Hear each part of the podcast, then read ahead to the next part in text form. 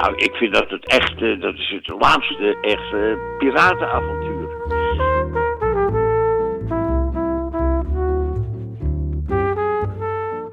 Let's shoot him now.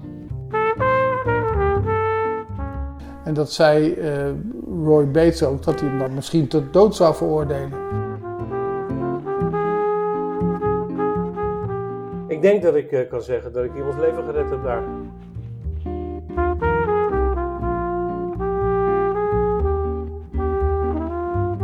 Dat ik ze anders wel kwam, kwam vermoorden of zo.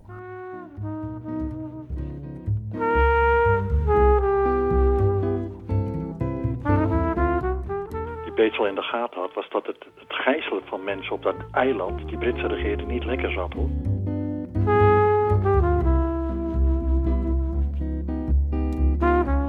Paul die naam al. Uh, hij heeft allerlei wapenfeiten op zijn naam staan die, die wel vrij dubieus zijn. Want het is eigenlijk de enige getuige, dat is hij zelf.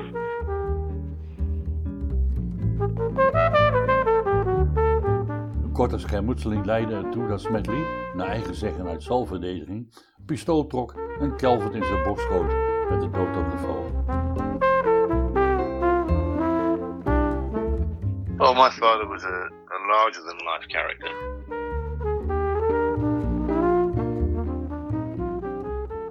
Er heeft dus echt een staatsgreep uh, plaatsgevonden. En dat was een geplande staatsgreep door Achenbach. Want die heeft uh, Roy Bates weggelokt van het eiland naar Oostenrijk, naar Salzburg, om daar zogenaamd een contract af te sluiten over de exploitatie van Sealand. Maar dat was hij helemaal niet van plan. Dat was alleen maar bedoeld om, om Bates daar weg te krijgen. Ja, en daardoor bleef Michael Bates alleen achter op het eiland maar. En ja, zoals hij zelf aangaf, werd hij gevangen gezet. En ehm, ja, hij had daarnaast ook nog een een uh, opmerking over, uh, over de KLM, die met een helikopter natuurlijk de mensen van Achenbach afgezet heeft op het platform. En daar had hij ook wel zijn bedenking over. Nu is het zo dat Bert Voorthuizen, dat is een journalist van de Telegraaf, die is later ook betrokken in dit, in dit verhaal, die vertelde daar het zijnde van. Het was zo, er was een Duitse televisieploeg van de ARD die onder die mom werd bij de KLM een helikopter gehuurd om zogenaamd een filmreportage te maken. Maar toen zijn ze uit die helikopteren gegaan en toen hebben ze het eiland bezet. En dat, er zijn dus met touwen naar beneden, want die helikopter kon daar niet op landen, heb ik begrepen van de KLM. Dus toen zijn ze met touwen uit de helikopter zijn ze er naartoe gegaan. En toen is die Michael gevangen genomen. En, want dat, uh, dat de KLM had, was ter goede trouw en wist niet precies volgens mij wat er gebeurde. Al betwijfel ik dat een beetje, maar goed. Want kijk, je, je bent als vlieger dan toch ook een beetje verantwoordelijk voor wat er met die kist gebeurt. En als je daar mensen uit laat zakken op dat eiland, dan kun je toch aannemen dat daar toch iets dingen zijn van waar je denkt van... hé, hey, wat, gebeurt, wat gebeurt daar nu weer?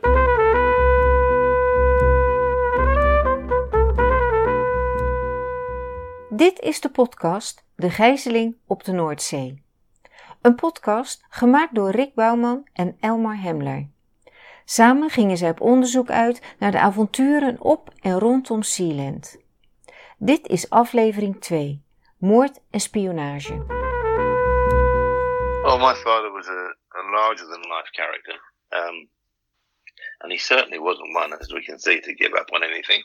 Um, but he, he was. Uh, I mean, he was, the, he was the only person I've ever met that said he enjoyed the war.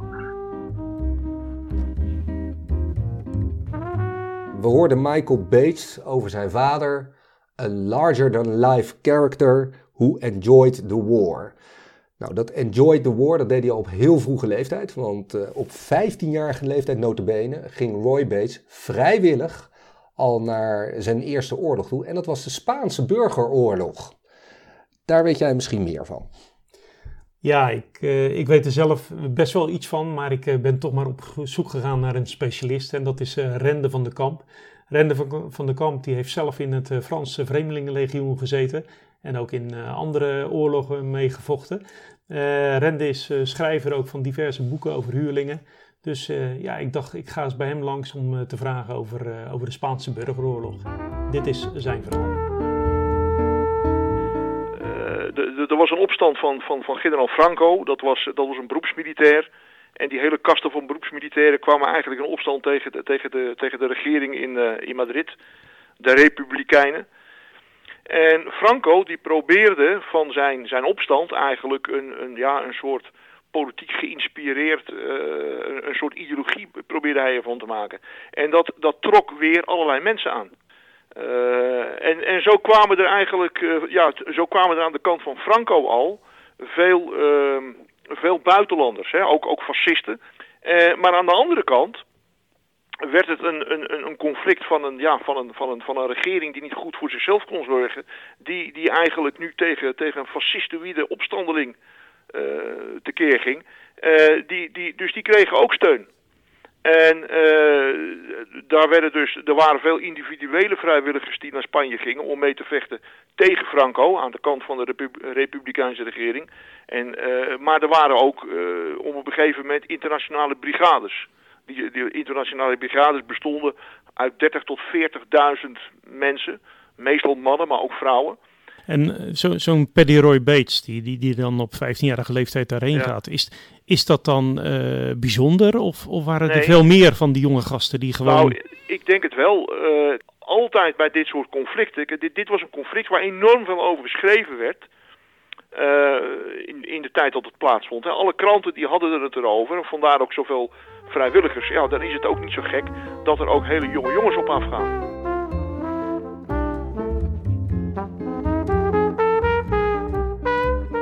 10 augustus 1978 heeft dus die staatsgreep plaatsgevonden op Sealand. En drie dagen later vertrekt er een uh, vissersboot vanuit Scheveningen richting uh, Sealand. Met aan boord uh, Hans Lavaux, de zwager van Willem van Koten.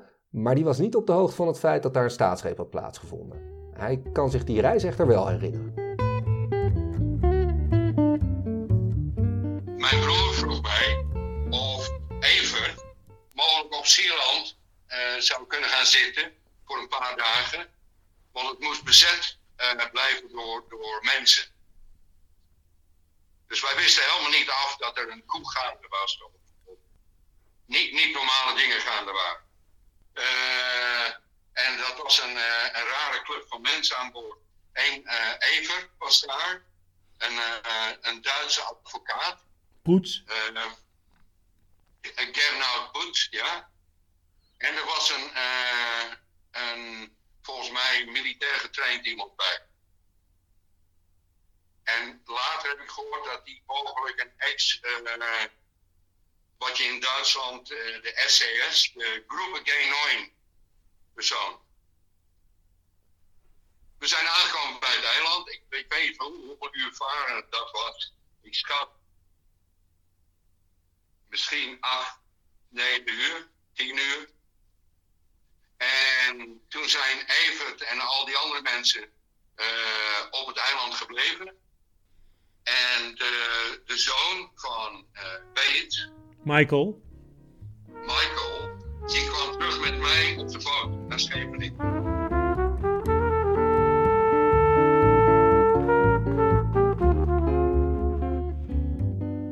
Bij aankomst op Sealand gaan advocaat Poets, de Duitse huurling en Evert Bos, die gaan het platform op. En blijft Hans Lavaux achter op uh, de vissersboot. Uh, tot zijn verbazing krijgt hij Michael Bates aan boord. En ze maken dus kennis met elkaar uh, aan boord van, van het schip. en het aardige is dat ze daar allebei een hele eigen interpretatie van hebben.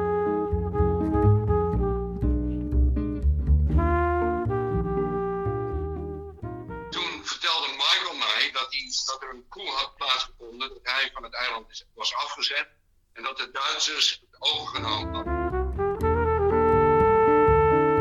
Yeah, Hans, Hans Lavaux, when, when, I was, when I was taken from Zeeland on the trawler to Holland, to Scheveningen, Hans Lavaux was on the, on, the, on the trawler and he told me that he was there because his girlfriend was a journalist, uh, I think a newspaper journalist, and uh, and she wanted to cover this this breaking story, but she couldn't be there, so she asked her boyfriend Hans if he could go and cover the story for her. Uh, this turned out to be not true, and it turned out that um, Hans brother Dick, elder brother Dick, was involved with this consortium of Germans, Dutch, Austrians, uh, and Dick's interest was in putting a, a radio station on Sealand. So he had lied to me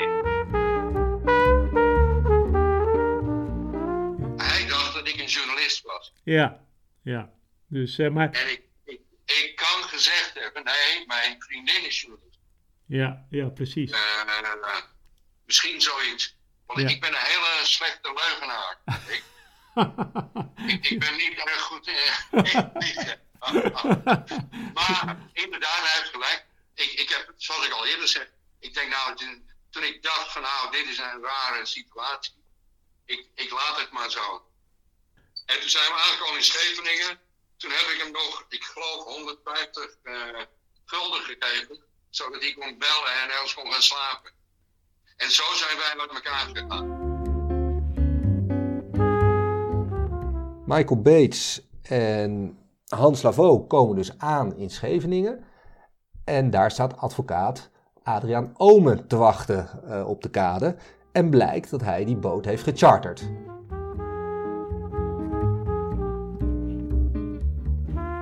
Die hadden jullie gecharterd. Ja. Om, eh, om naar Engeland te varen en eh, En ze daar terug te halen. ja, met, eh, met Michael Bates. Met Michael Bates. Ja.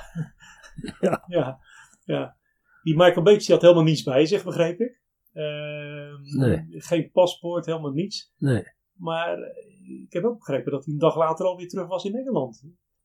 Ja, die hebben we vrij kort, die hebben we toen hij aankwam, hebben, we, Ja. hebben we hem losgelaten. Ja, ja, oké.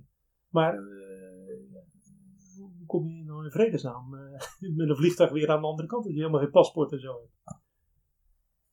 Nou, nou dat weet ik niet. Nee, nee. Eh, in ieder geval kreeg hij hier in de Scheveningse haven kreeg hij een of ander bewijs dat hij hier was komen aanvaren. En ja, daarmee, daarmee is hij daarna weer teruggegaan. Ik weet niet hoe. Ik weet niet eh, per vliegtuig of. eh, ik denk niet per, met dezelfde boot.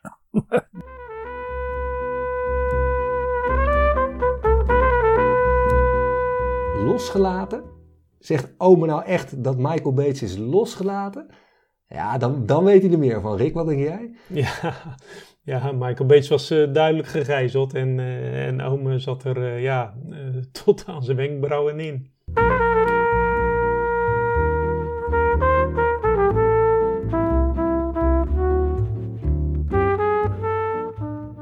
So, like, he was in it up to his eyebrows. He came down to Scheveningen uh, as I came ashore, and with his hat pulled down over his head and his gloves and his collar pulled up on his coat, like some kind of a, like some kind of a secret agent spy type. And he paid the fisherman. Now, I, I wasn't there enough to talk to him, but I saw money go across, and I talked to the fisherman about it afterwards. So he he was very complicit in the whole thing.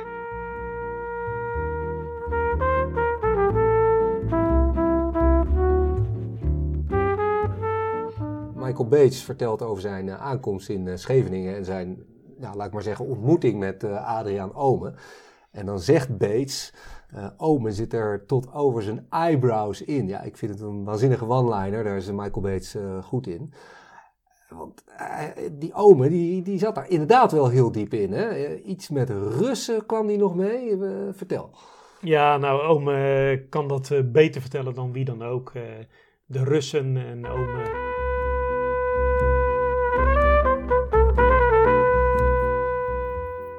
Weet niet meer hoe dat ging. Maar wij hadden de papieren ook. Oh ja, eh, eh, die, die zender zou worden gebru- gebruikt door de Russen om allerlei eh, gegevens in de buurt te kunnen opvangen. En, dus het was een soort spionagezender als het ware. En eh, Maar dat had niet met verkoten te maken. eh, Of, of juist wel. nee, maar die Russen zouden in ieder geval, als ze dat konden doen, zouden ze die zender bouwen, betalen. Want ja, het kost allemaal geld. En je moet er iets op verzinnen. Nou, dat was zo een van die dingen. Dat wij konden eraan verdienen. Dan werden de Russen betaald. Bizar. Bizar. Ja. Dat is, eh, Maar het gebeurde wel allemaal. Ja, Uiteindelijk is het, eh, is het niet gelukt. niks geworden. Niks geworden. Nee. Dus die Engelsen hadden toch wel gelijk eigenlijk. Met op een gegeven moment dat het een soort Cuba van, het, eh, van de Noordzee zou worden. ja. Alleen in dit geval dan de Russen. Ome vertelde dus gewoon dat de Russen ook geïnteresseerd waren in, eh, in Sealand. Dat is bizar, hè? Ja, maar die, die wilden er gewoon een spionage-eiland van maken. Ja. En, eh, ja, we leven dan in de tijd van de Koude, Koude Oorlog. Dus ja, dit is wel even saillant detail ook. eh. Ja, als je toch jaren zeventig en, en je hoort zo'n verhaal dat hij met dat de Achenbach en, en, en Ome en, en de andere Duitsers zeg maar gewoon op geld uit waren.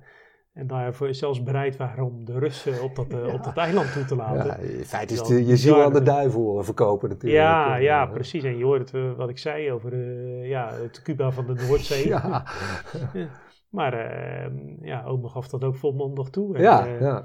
En eh, blijkbaar... Ja, eh, en daar was Ome dus ook gewoon echt van op de hoogte. Om maar weer even te Ja, bevestigen nee, dat hij er heel diep in zat. Ze eh. waren, ze waren samen, waren ze, Ome en samen met Achenbach waren blijkbaar in, in deze deal ook, ook betrokken. Partners in crime zou je haast zeggen. Maar ja, dan, dan, dan is het natuurlijk wel gek dat eh, Willem van Kooten eh, al eerder aangegeven eh, had van nou, ik, ik zou een, een zender daarop neer willen zetten. Ik, ik ben zelfs sponsor ervan. Ja. Ik heb geld geschonken daarvoor. En, en nou blijken de Russen ook in beeld te zijn. Ja, ja. Dus ik, ik heb het toch maar even gevraagd ook bij Willem van Kooten. ja, dat snap ik. Heb je ook geweten dat eh, de Russen bereid waren om eh, de zeezender al daar te betalen? Nee, wie zegt dat? Dat vind ik spannend. Ja, ja, ja, ja, mooi hè. Dus, eh, nee, Wie zegt dat? Wie zegt dat? Ik heb dat van Adriaan de Ome gehoord. En wat was nou het verhaal? Ja, ze moesten natuurlijk altijd geld hebben overal voor. En die zeezender, tenminste de apparatuur kost natuurlijk geld. En de, nou, de Russen waren wel bereid om daar geld in te steken, want dan konden ze uiteraard gelijk afluistersystemen richting Engeland eh, Ja, inrichten. Dan was, het, dan was het helemaal binnen een uur afgelopen geweest. Als dat waar was. Ja, ja. dat geloof. Ja, het Dat is, er no- het is er nooit van gekomen. Dus, eh, want eh, ik geloof dat Beets daar ook niet zoveel trek in had. Dus, maar in ieder geval, dat verhaal kwam ook nog even naar voren. Dus dat is... Nou, daar geloof ik niks van. nee. Adriaan valt, die valt me tegen, want die is advocaat. Dus Ja. die doet gewoon... wel, is, wel is waar dat de, de, de, de middelen van Achenbach beperkt waren. Dat was ja, wel waar. Ja, ze hadden altijd Ah, geld nodig. daarom, kwamen, daarom kwamen wij nu juist, want wij zouden die zender financieren en Ja. opbouwen. Ja. Begrijp je? Dus dat, dat, dat van die Russen geloof ik gewoon niet.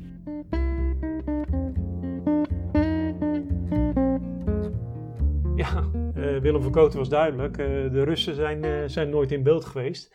En volgens mij eh, gelooft hij dat nu nog steeds. En, Ja. eh, en ik geloof hem ook, dat, Ik- hij, dat hij gewoon niet vanaf is. Nee, hij was gewoon echt niet op de hoogte. En kon het zich eigenlijk ook niet voorstellen. Omdat hij was degene die het allemaal zou financieren. Ja, en sterker nog, er waren contracten waren al onderweg. eh, die werden al opgesteld. Maar Ja, ja, maar Achenbach eh, en Ome dus ook. Die, eh, die gingen gewoon met meerdere partijen in zee. eh, Ik denk het wel. Overal Ik denk- waar geld te halen was, daar, eh, daar waren zij voor, voor in. Ja, ik, denk- ik denk dat ze op meerdere paarden gewoon ingezet hebben. En zonder dat Willem van Kooten daar maar op, op welke manier dan ook van op de hoogte was. Nee, en die, die kan het zich gewoon nog steeds niet voorstellen Nee, dat dat zo is. nee mooi is dat. Ja, en, ja.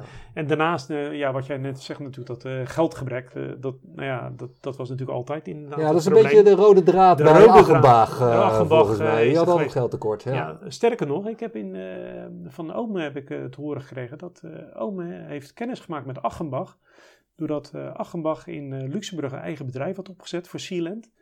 En eh, ja, toen was hij met wat eh, met Sealands geld was hij de grens overgestoken bij Luxemburg. En eh, ja, toen van het een kwam het ander. En eh, toen werd dat bedrijf toch maar eens een keer eh, doorgelicht. Ja, dat was niet helemaal toevallig volgens mij dat het bedrijf nee, werd doorgelicht. Nee, nee, nee. Het was een eh, klein foutje, denk ik, van Achenbach. Want volgens mij heeft hij de verkeerde persoon ontslagen. Ja. Luister maar. Toen is Achenbach begonnen met nog een paar anderen eh, in Luxemburg een eh Zealand kantoor op te bouwen. En, eh, ja. oh ja. En toen was een medewerker op dat kantoor, was ontslagen door Achenbach. En, maar, en dat was een zoon van de hoofdcommissaris van politie in Luxemburg. en de commissaris in politie, van politie in Luxemburg, ging eens even polshoogte nemen, wat dat toch voor een bureautje was. Waarop gelijk Achenbach en de zijne werd gearresteerd en in de gevangenis belanden. Al daar. ja, het wordt steeds leuker. die heb ik daar nog uit de gevangenis gehaald. Ik heb daar nog gepleit in de rechtbank. Maar, nou ja. Toen zijn ze tenslotte teruggekomen naar Nederland en uit Duitsland. Ja, dat was het dan. Via Luxemburg heeft Ome dus kennis gemaakt met, uh, met Achenbach. En uh, nou ja, het avontuur in Luxemburg met Achenbach, dat werd eigenlijk niks. Nou, met de Russen is het eigenlijk ook niks uh, geworden. En ja, nou, nu blijkt eigenlijk met Van Koot ook niet. De voorlopige afspraak was wij zouden daar, als het kon, als het zou lukken, zonder dat we gelijk door de, de, de, de Engelse regering gepakt zouden worden, zouden wij de zender inrichten en op laten bouwen. Punt. Dat is waar. Dus er waren helemaal geen Russen voor nodig. Begrijp je wat ik bedoel? Helemaal. Maar zo, maar zover is het helemaal nooit gekomen, want het was alleen maar narigheid. Ja. Eigenlijk. Punt. Ja. En Roy Bates was gek, dat was een oorlogsheld, heb ik altijd laten vertellen. Dat moet je ook even uitzoeken. Roy Bates was een oude commando. Ja, dat is bekend. Ja, ja, ja. Spaanse burgeroorlog en uh, Tweede Wereldoorlog. Hij heeft ze allemaal gedaan. Ja. Als 15 En jaar. daarna. En daarna nog. En daarna. Ja, ja daarna precies. nog. Ja, precies. ja, dat...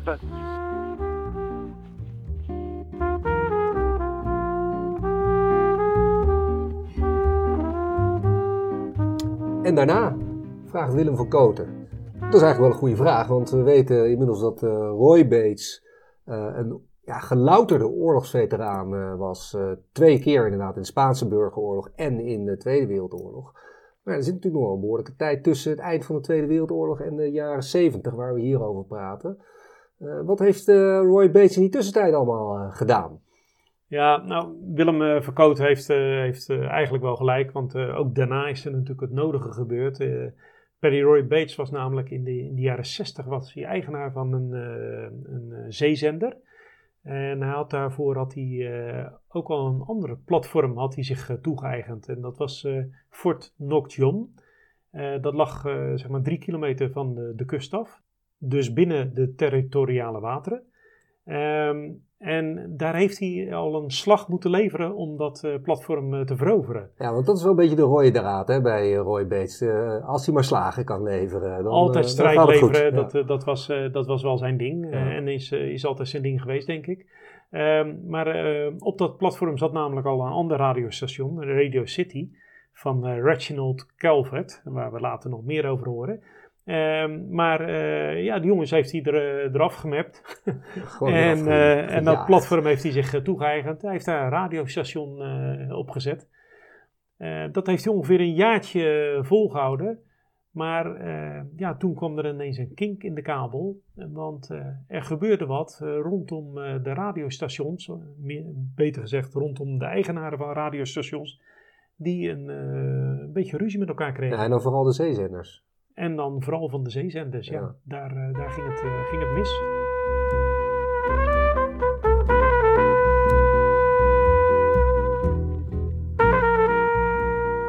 In september 1965 kwam het nieuws naar buiten dat er een soort van samenwerking was gekomen tussen Radio Caroline en Radio City eigenaren. Waarbij werd gesteld dat op 1 oktober alle rekeningen door Caroline zouden worden betaald, terwijl de eigenaar van Radio City, Reginald Calvert, 150 1000 pond zou worden uitbetaald. Oliver Smetley, een ander belangrijk persoon binnen de Caroline-organisatie, zorgde ervoor dat op Shivering Sands een sterke zender zou worden afgeleverd. Maanden gingen voorbij tot in juni 1966 plotseling was te lezen dat Radio City een deal zou sluiten met de directie van Radio Londen, waarbij Radio City uit de eten zou verdwijnen. Toen men bij de Caroline-organisatie de plannen tot fusie te horen kreeg, voelde men uit en het was Oliver Smetley die contact nam met Reginald Calvert en allemaal inging op de plannen tot nauwe samenwerking met Caroline. Zo werden allerlei plannetjes aan Calvert voorgelegd en met een bedrag van 30.000 pond beloofd. Reginald weigerde in te gaan en toen Smedley allerlei dreigende taal begon te uiten, verbrak Calvert het gesprek. Halverwege juni vond Smedley het tijd in te grijpen en huurde een knokploeg in om naar Shivering Sands te varen en daar bezit te nemen van de zendapparatuur dat geen eigendom was van Radio City, maar van de Caroline-organisatie. Calvert zelf was die dag in Manchester om popgroepen te beluisteren die hij misschien als manager wenste te ondersteunen. En furieus was hij toen hij hoorde over de bezetting en besloot naar de politie te gaan, waar hij te horen kreeg dat ingrijpen vanuit de overheid geen sprake kon zijn, daar het fort in internationale wateren lag. Wel adviseerde de politie hem te gaan praten met Sledley en dus werd de reis ondernomen naar Windens Embo, een doopje in de omgeving van Saffron Walden in Essex. Daarheen gebracht door vriend Arnold, liep Calvert de oprijlaan op en belde aan bij het huis van Smedley. Een korte schermutseling leidde ertoe dat Smedley, naar eigen zeggen uit zelfverdediging, een pistool trok en Calvert in zijn borst schoot met de dood tot gevolg. Dit grote incident heeft ertoe geleid dat de Britse overheid verregaande maatregelen ondernam om een einde te maken aan de zeezenders.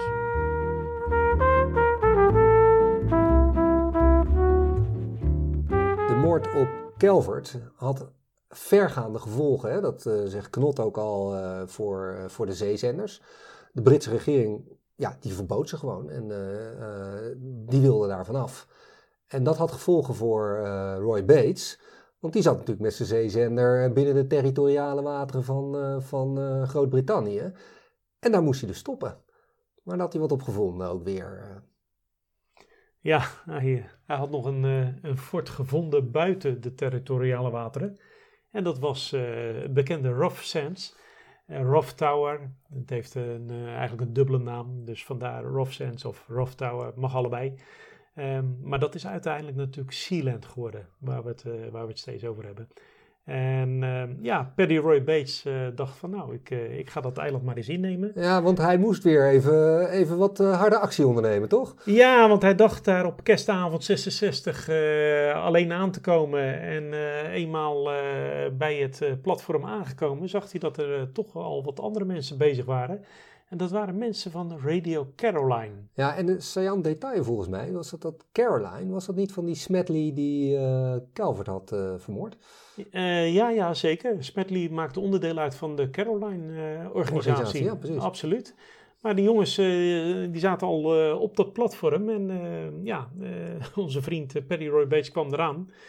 En zoals hij altijd heeft gedaan, wist hij ook deze jongens van het platform af te af, mappen. Af te vegen. Af te vegen, zeg maar.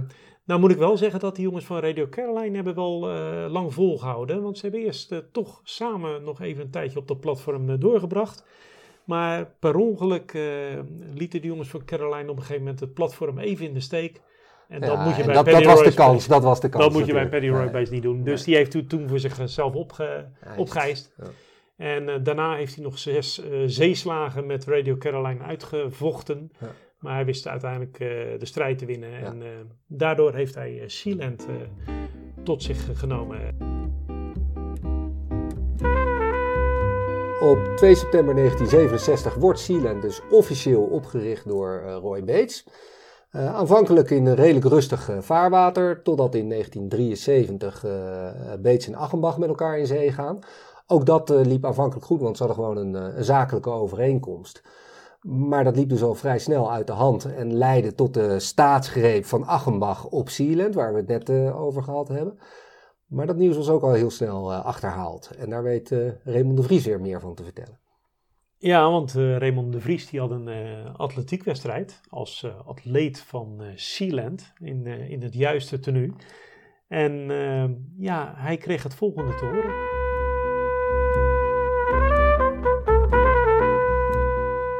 Maar een paar dagen later, toen kwam er een en toen kwam er weer, kwamen weer een paar journalisten weer op een wedstrijd. En die zeiden, die vroegen me een commentaar over die staatsgreep. Toen zei ik, joh, je bent een beetje, loopt een beetje achter de feiten aan. Dat is dagen te laat. Ja, een paar dagen ja. te laat. Ja. Waarop zij zeiden, nee, er is weer een staatsgreep gepleegd. Huh?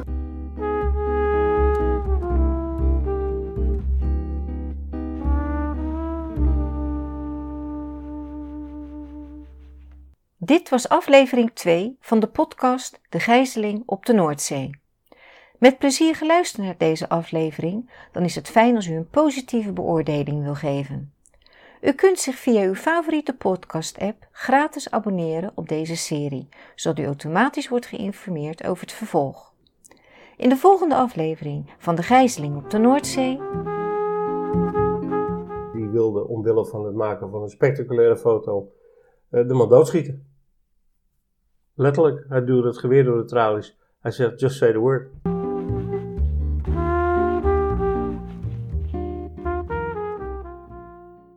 Ik zeg nou, toeval wil dat ik verslaggever ben.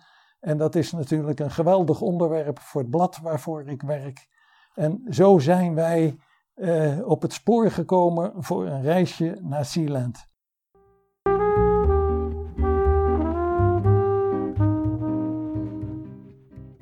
Bleek die man, die piloot, bleek stuntvlieger te zijn geweest in James Bond film.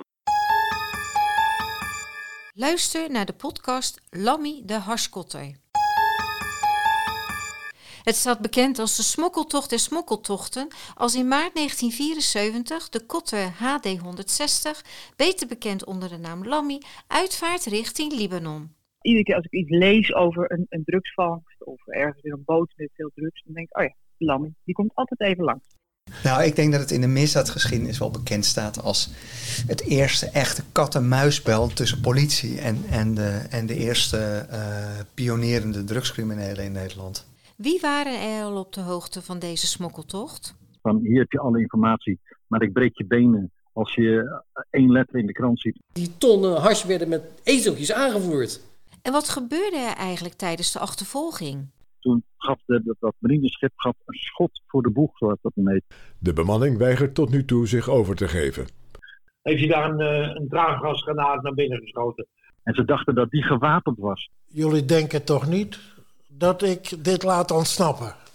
Het is niet de bedoeling het leven van de drie opvarenden van de kotter in gevaar te brengen. Maar ze zijn tot het laatste moment aan boord gebleven. En in ene zag ik twee staven met trotiel liggen, springstof. En hoe ontwikkelde zich de nasleep van deze bizarre tocht? Maar die rechercheur die heeft toen één stuk hars ontvreemd. Nou, dit is gewoon gemaakt voor harstransporten. Niet, voor, niet om te vissen, maar voor de harstransport is die gemaakt. Weet je wel? Dat is toch niet te geloven, joh. Dit is echt leuk, hoor. Luister via uw favoriete podcast-app naar deze podcast Lammy de Harskotter. Een podcast gemaakt door Rick Bouwman en Elmar Hemler.